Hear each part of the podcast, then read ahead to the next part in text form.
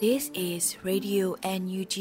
the voice of National Unity Government of Myanmar, broadcasting for Myanmar's Spring Revolution. Radio NUG is transmitting from shortwave 16 meter 17.79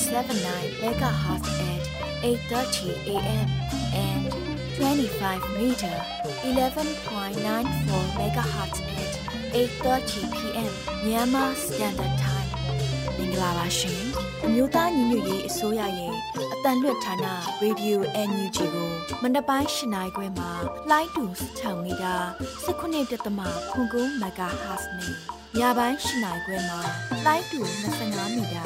17.3ကိုလီမဂါဟတ်စ်တို့မှာဓာတ်ရိုက်ဖမ်းယူနားဆင်နိုင်ပါပြီရှင်။မင်္ဂလာအပေါင်းနဲ့ပြည့်စုံကြပါစေ။အခုချိန်ကစပြီး Radio NUG စီစဉ်လေးကိုဓာတ်ရိုက်အတန်းလွှင့်ပေးနေပါပြီ။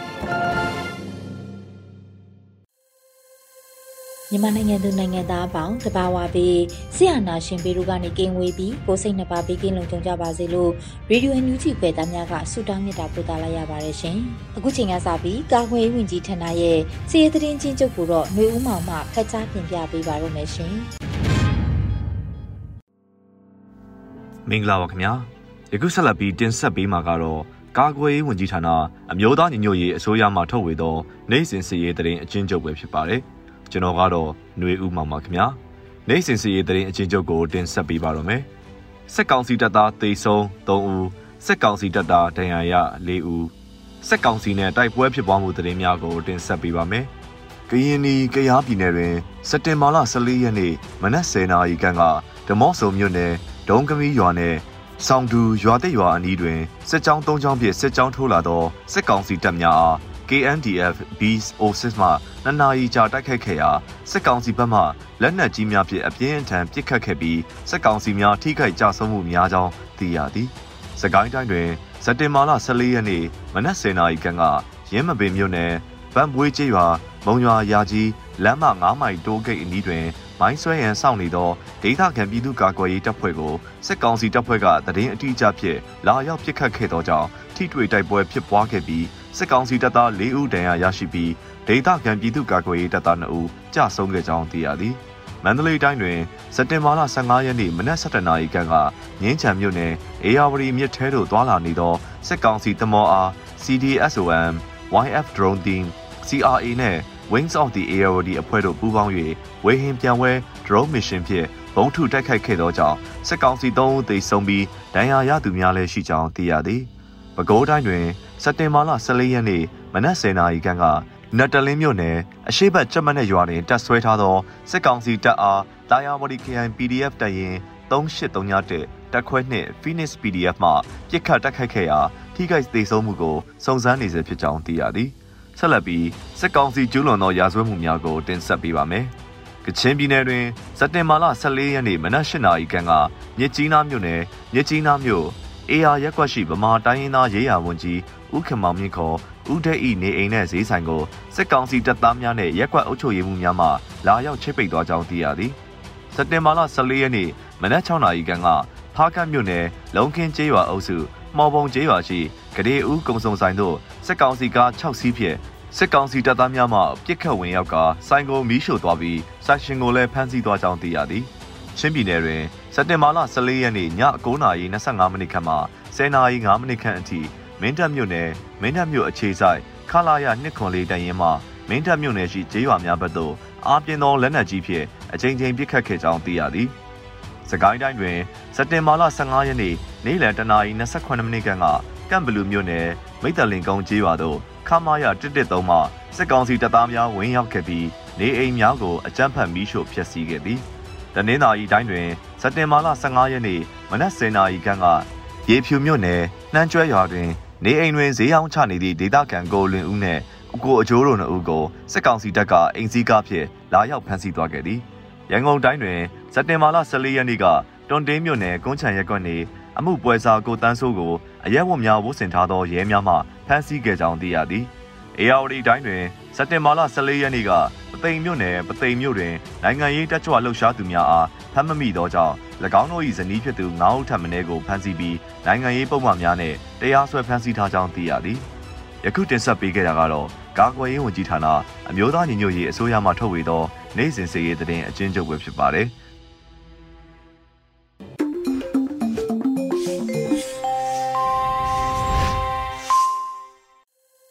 ရေဒီယိုညူချီမှာဆက်လက်တင်ပြနေပါတယ်။အခုဆက်လက်ပြီးနောက်ဆုံးရသတင်းများကိုຫນွေဦးမှုမှဖတ်ကြားတင်ပြပေးပါရမရှင်။မင်္ဂလာပါရှင်ခုချိန်ကစပြီးတော့နောက်ဆုံးရပြည်ရင်းသတင်းတွေကိုတင်ပြပေးသွားမှာပဲဖြစ်ပါတယ်ရှင်ကျွန်မကတော့ຫນွေဦးမော်ပါ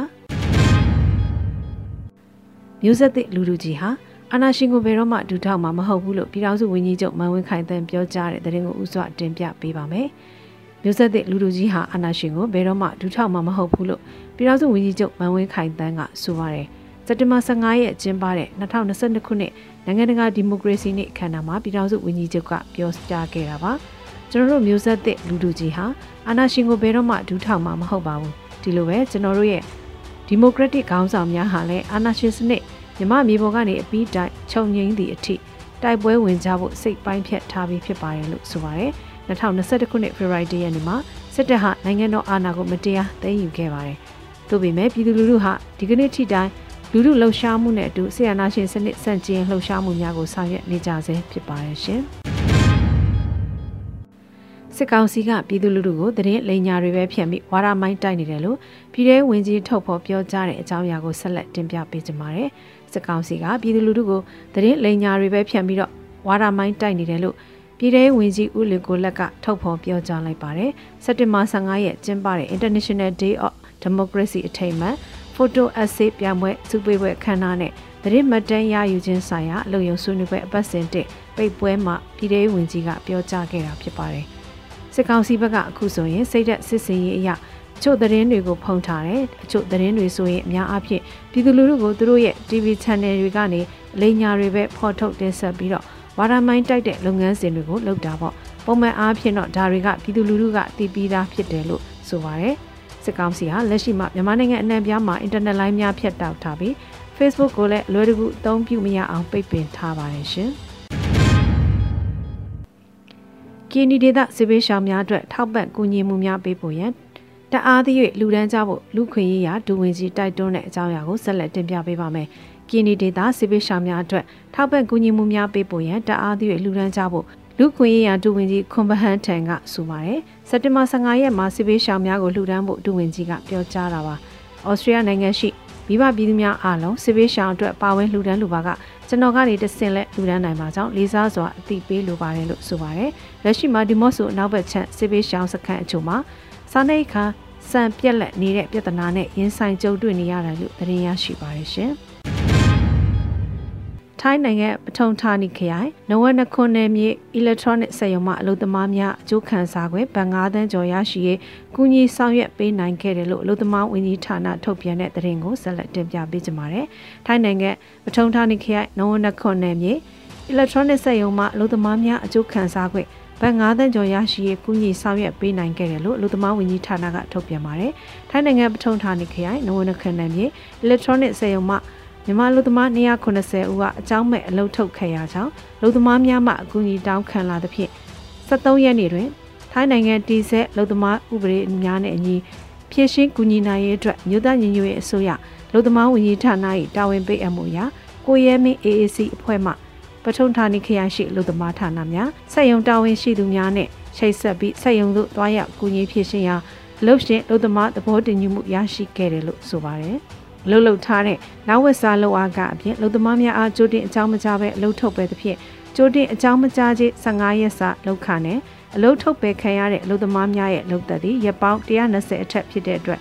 လုံသက်နစ်နာခြင်း30ရက်လောက်ခခန်းစားခွဲစုစုပေါင်းဘဏ်9သန်းကျော်ကိုစက်တင်ဘာ14ရက်နေ့မှာအလုပ်သမားတဦးချင်းခန်းစားခွဲလိုက်ဘဏ်ကတ်များသို့စက်ရုံမှပေးပို့ပေးမှာဖြစ်ပါတယ်။ ပက်ရောင်ကအထောက်ထားမြတ်ရရှိရေးနဲ့ဆက်လင်းပြီး19ရက်နေ့တွင်၎င်းကြံအထောက်ထားစာရွက်စားတဲ့ကိစ္စများကို20ရက်နေ့တွင်၎င်းစတင်ဆောင်ရွက်ပေးမှာဖြစ်ပါတယ်။ပထုံဌာနိခေလူသမားဌာနနဲ့စက်ရုံမှချိတ်ဆက်ပေးတဲ့လောက်ကိုင်းခွင်လန်းများမှာလောက်ကိုင်းလိုခြင်းမရှိသည့်အလုပ်သမားများအတွက်တရားဝင်အလုပ်ပြောင်းရွှေ့ခွင့်ရရှိရေးစာရွက်စာတမ်းကိစ္စများကိုစက်ရုံမှတာဝန်ယူဆောင်ရွက်ပေးမှာဖြစ်ပါတယ်။မြန်မာနိုင်ငံရဲ့အရေးပေါ်ကာလအခြေအနေမှာအကူအညီမဲ့နေတဲ့ထိုင်းနိုင်ငံရောက်မြန်မာအလုပ်သမားများရဲ့ လူသမားအကျိုးခံစား권များရရှိအောင်တာဝန်သိစွာပူးပေါင်းဖြည့်ရှင်းဆောင်ရွက်ပေးတဲ့ပထုံဌာနိခရိုင်လူသမားဌာနများစစက်ယုံတာဝန်ရှိသူများနဲ့အခက်အခဲမျိုးစုံကြားမှကူညီပေးတဲ့ကိုရဲမင်း AAC ဖွဲ့ဟာမြို့သားညီညွတ်ရေးအစိုးရလူသမားဝန်ကြီးဌာနမှမှတ်တမ်းတင်ဂုဏ်ပြုအပ်ပါတယ်လို့ဖော်ပြပါရှိပါတယ်။မြို့သားညီညွတ်ရေးအစိုးရလူသမားဝန်ကြီးဌာနအနေနဲ့ပြည်သူအစိုးရဖြစ်တဲ့နေညီပြည်ရင်းပြည်ပမြန်မာလူသမားများရဲ့လူသမားခွင့်ရေးချိုးဖောက်ခံရမှုများကိုဖြေရှင်းပေးရတဲ့ အကျိုးခံစား권များရရှိအောင်တနင်္လာဘက်မှကူညီဆောင်ရွက်ပေးနိုင်ရတဲ့အတွက်တိုင်ကြားရေးရန်နေရာများဖွင့်လှစ်ဆောင်ရွက်ပေးလျက်ရှိရာပြည်ရင်းပြည်ပလူသမားခွင့်ရေးချိုးဖောက်မှုများအတွက်အောက်ဖော်ပြပါဆက်သွေးနည်းလမ်းများမှတစ်ဆင့်ချိတ်ဆက်တိုင်ကြားနိုင်တယ်လို့လည်းဆိုပါတယ်ရှင်။နှွေးချီကို Energy Pay နဲ့ပေးချေထီထိုးရမှာငွေလွှဲနှုတ်တွင်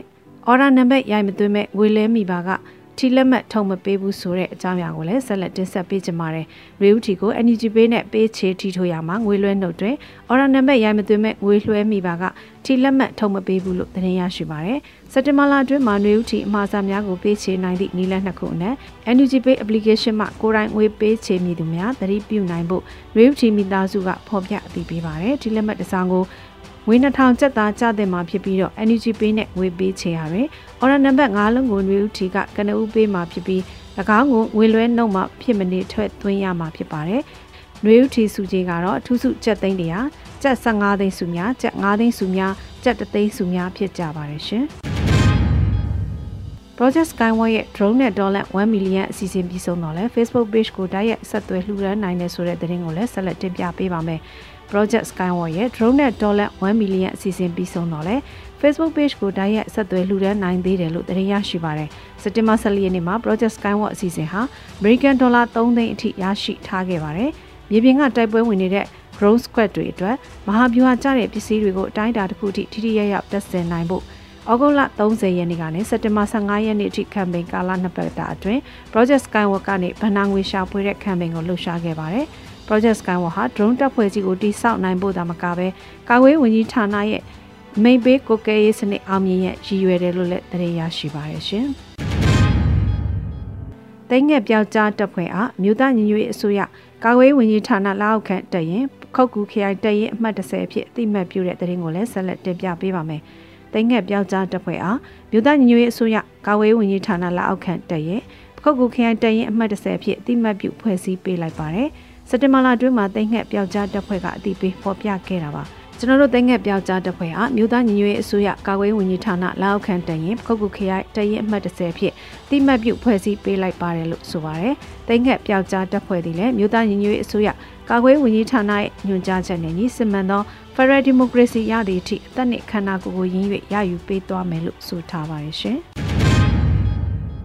AR မြစ်ကြောင်းတဲ့ပြင်မောင်းတဲ့စစ်တပ်မောများကိုဒုတိယအကြိမ်တိုက်ခိုက်ခဲ့တယ်လို့ Windsor the AR ကထုတ်ပြန်တဲ့သတင်းကိုလည်းဆက်လက်တင်ပြပေးပါမယ်။ AR မြစ်ကြောင်းနဲ့ပြင်မောင်းတဲ့စစ်တပ်မောများကိုဒုတိယအကြိမ်တိုက်ခိုက်ခဲ့တယ်လို့ Windsor the AR ကထုတ်ပြန်လိုက်ပါတယ်။စက်တင်ဘာ15ရက်နေ့မှာစီးရေးသတင်းကိုဖော်ပြပါတယ်။မကြောက်လို့နှခါလျှောက်တဲ့စစ်သင်မောများဒီနေ့ AR ထဲမှာဒုတိယအကြိမ်တက်လာကြတဲ့စစ်သင်မောတွေကို CDSOM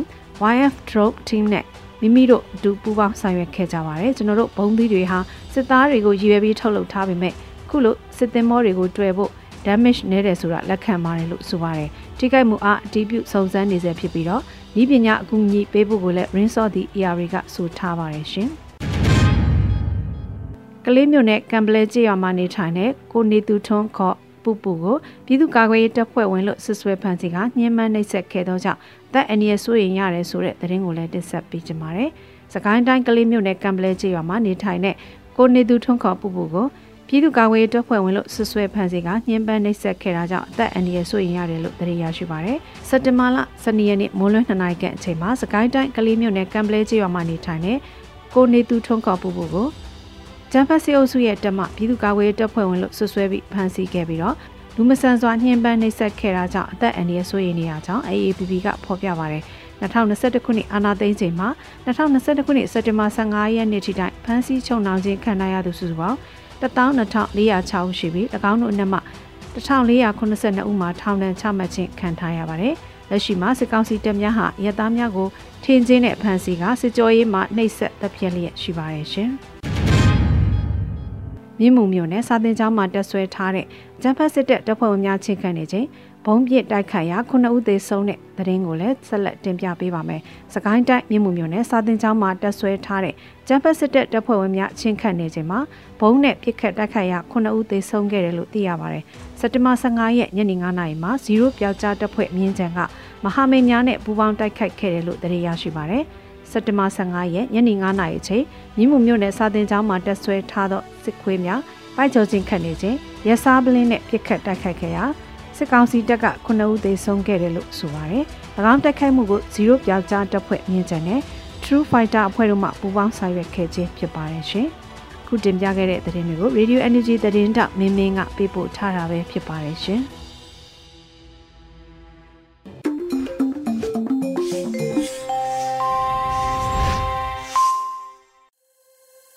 Radio NUG ပရိသတ်တွေအတွက်ကူးဆက်လက်ပြီးထုတ်လွှင့်ပေးမယ့်စီစဉ်ကတော့တော်လှန်ရေးတေဂီတာစီစဉ်ဖြစ်ပါတယ်။တေးဆိုစောဖိုးခွားရဲ့ဒေါ်စင်ကြီးရဲ့သားလို့အမည်ရတဲ့တော်လှန်ရေးတေဂီတာကိုနားဆင်ကြရတော့မှာဖြစ်ပါတယ်ရှင်။။င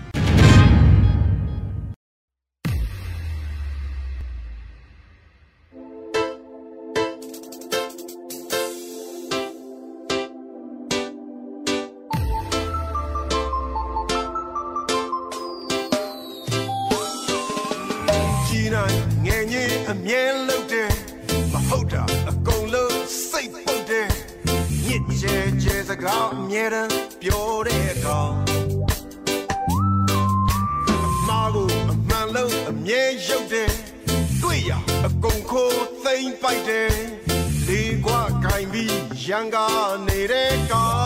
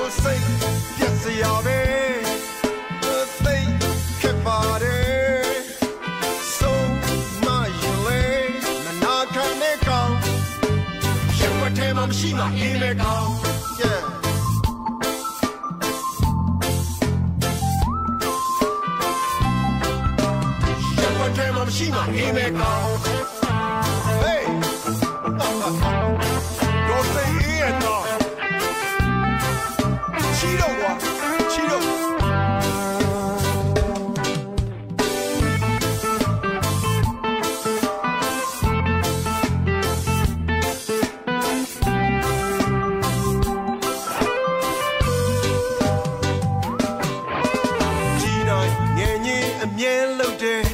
မဟုတ်တာအကုန်လုံးစိတ်ပုတ်တယ်ညစ်ကြဲကြဲစကားအမြဲတမ်းပြောတဲ့အကောင်အမားကိုအမှန်လုံးအမြဲရုပ်တယ်တွေ့ရအကုန်ခိုးသိမ့်ပိုက်တယ်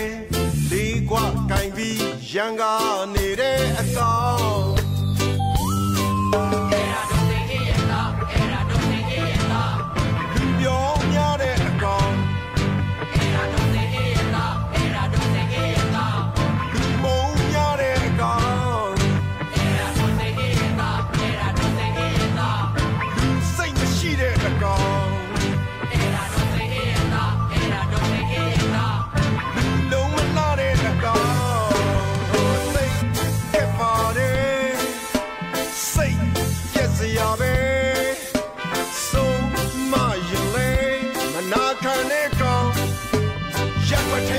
မှာ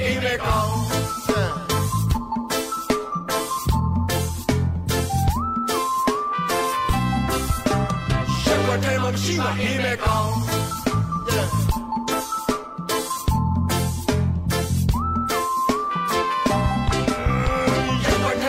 မှအိ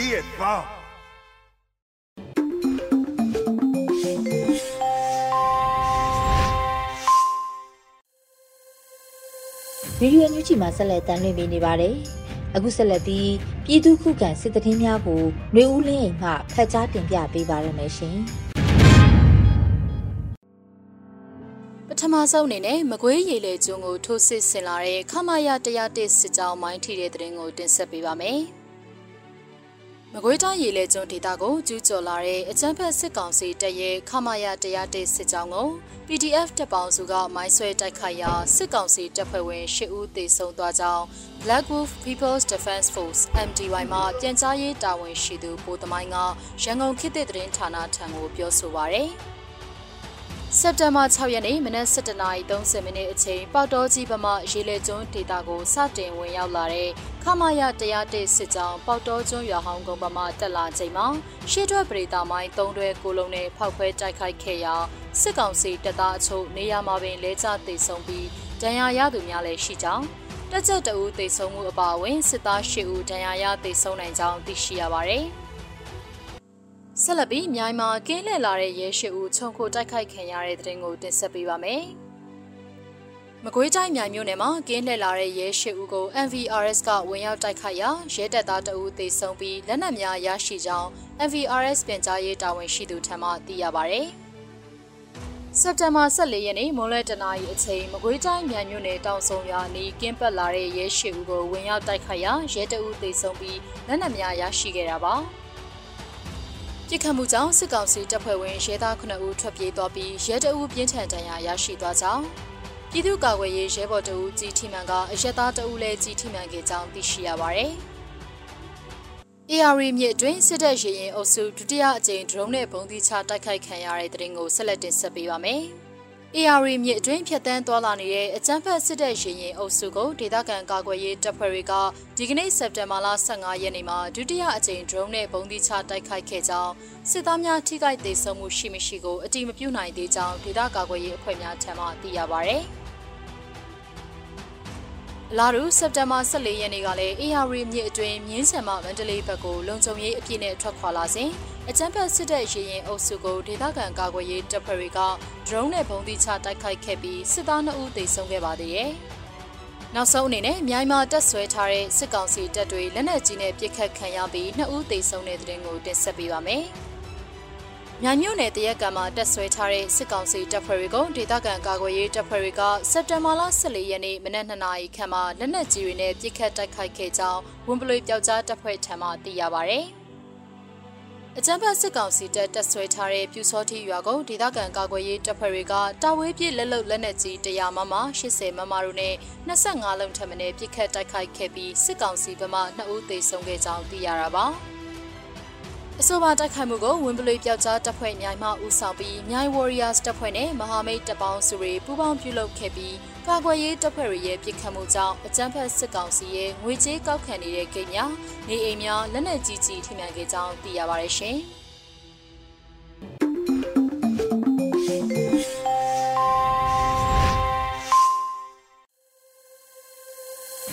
ရီရွယ်နူးချီပရိသတ်တွေအတွက်ကူးဆက်လက်ပြီးထုတ်လွှင့်ပေးမယ့်အစီအစဉ်ကတော့ PPTV ရဲ့နေ့စဉ်သတင်းများဖြစ်ပါတယ်။မျိုးတော်တာမှဖတ်ကြားတင်ပြပေးပါမယ်ရှင်။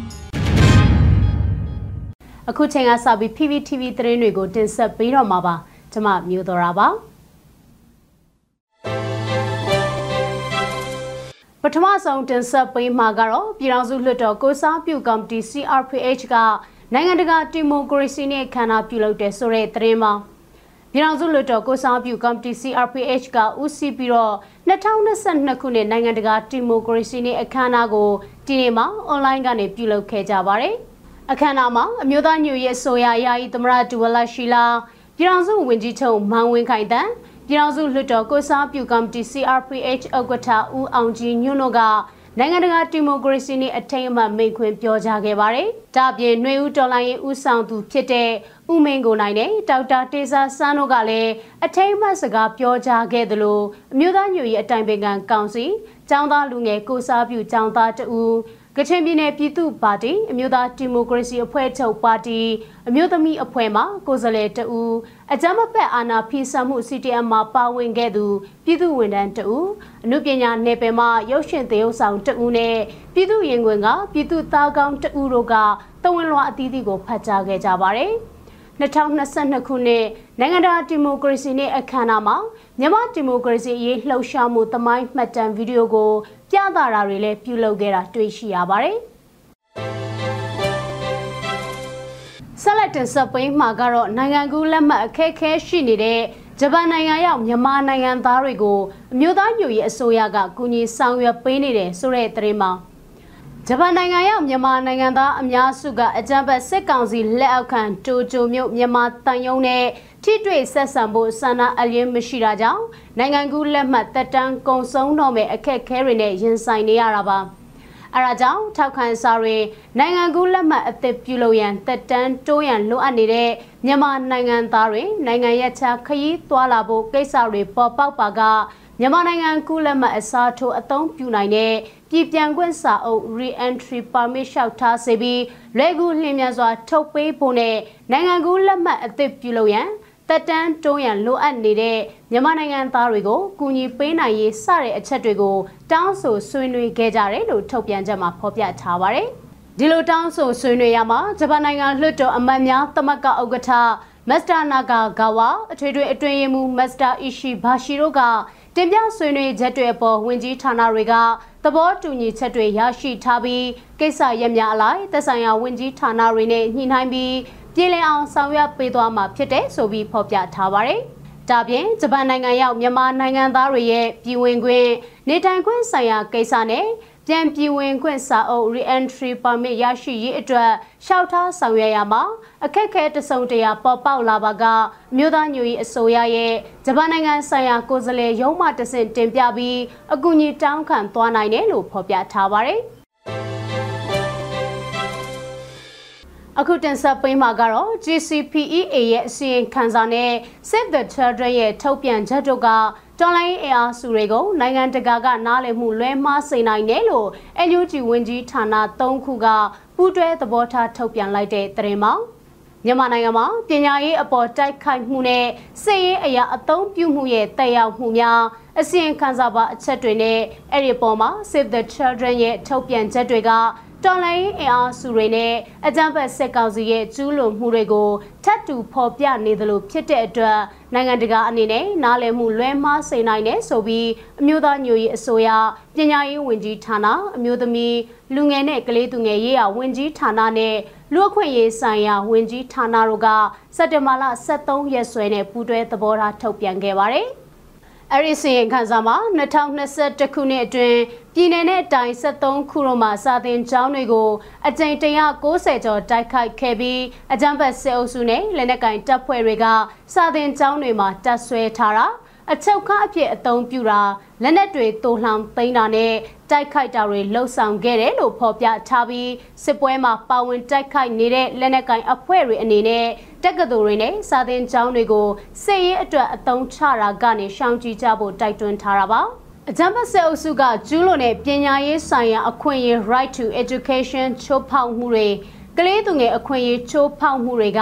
စနစ်တကျကျဲပြန့်ပြီးရည်ရွယ်ချက်ရှိရှိကျူးလွန်တဲ့ရာဇဝတ်မှုတွေဖြစ်တာကိုဗမာနာတစ်ခုလုံးဒါမှမဟုတ်အတိုင်းအတာတစ်ခုလိုအစီရင်ခံစာမှာတွေ့ရတယ်လို့ဆိုထားပါတယ်။အဲ့ဒီလိုဖော်ပြမှုက မတူညီတဲ့ကျူးလွန်မှုအတိုင်းအတာနှစ်ခုကိုထပ်တူဖော်ပြနေတာဖြစ်တယ်လို့အမျိုးသားညွရေးအစိုးရဝန်ကြီးဌာနတွေကထောက်ပြထားပြီးအဲ့ဒီလိုဖော်ပြမှုကအင်မတန်မှအန်တရယ်များပြီးမြန်မာပြည်သူတွေရဲ့အာဏာရှင်စနစ်ကိုတွန်းလှန်မှု Federal Democracy အရေးတောင်းဆိုမှုနဲ့ပတ်သက်ပြီးနိုင်ငံတကာကသဘောပေါက်နားလည်မှုလွဲမှားစေတဲ့ပုံဖော်မှုဖြစ်စေတယ်ဆိုပြီးတော့ထောက်ပြထားပါတယ်။ ဒါပြင်ယခုလိုအရေးကြီးတဲ့အကြောင်းအရာနဲ့ပတ်သက်ပြီးတော့ထုတ်ပြန်ရမှာအခြေအနေရဲ့လေးနက်မှုကိုဂရုပြုပြီးအလွယ်တကူကောက်ချက်ဆွဲတာကိုရှောင်ရှားဖို့လိုအပ်ပြီးနိုင်ငံတကာအဖွဲ့အစည်းတွေအနေနဲ့လည်းအမျိုးသားညွရေးအစိုးရရဲ့ပညာရေးဆိုင်ရာဖော်ဆောင်မှုနဲ့နိုင်ငံတကာတာဝန်ခံမှုရန်တရားတွေကတဆင့်တရားမျှတမှုဖော်ဆောင်ရေးကိုပံ့ပိုးအားပေးဖို့လိုအပ်တယ်ဆိုပြီးတော့လည်း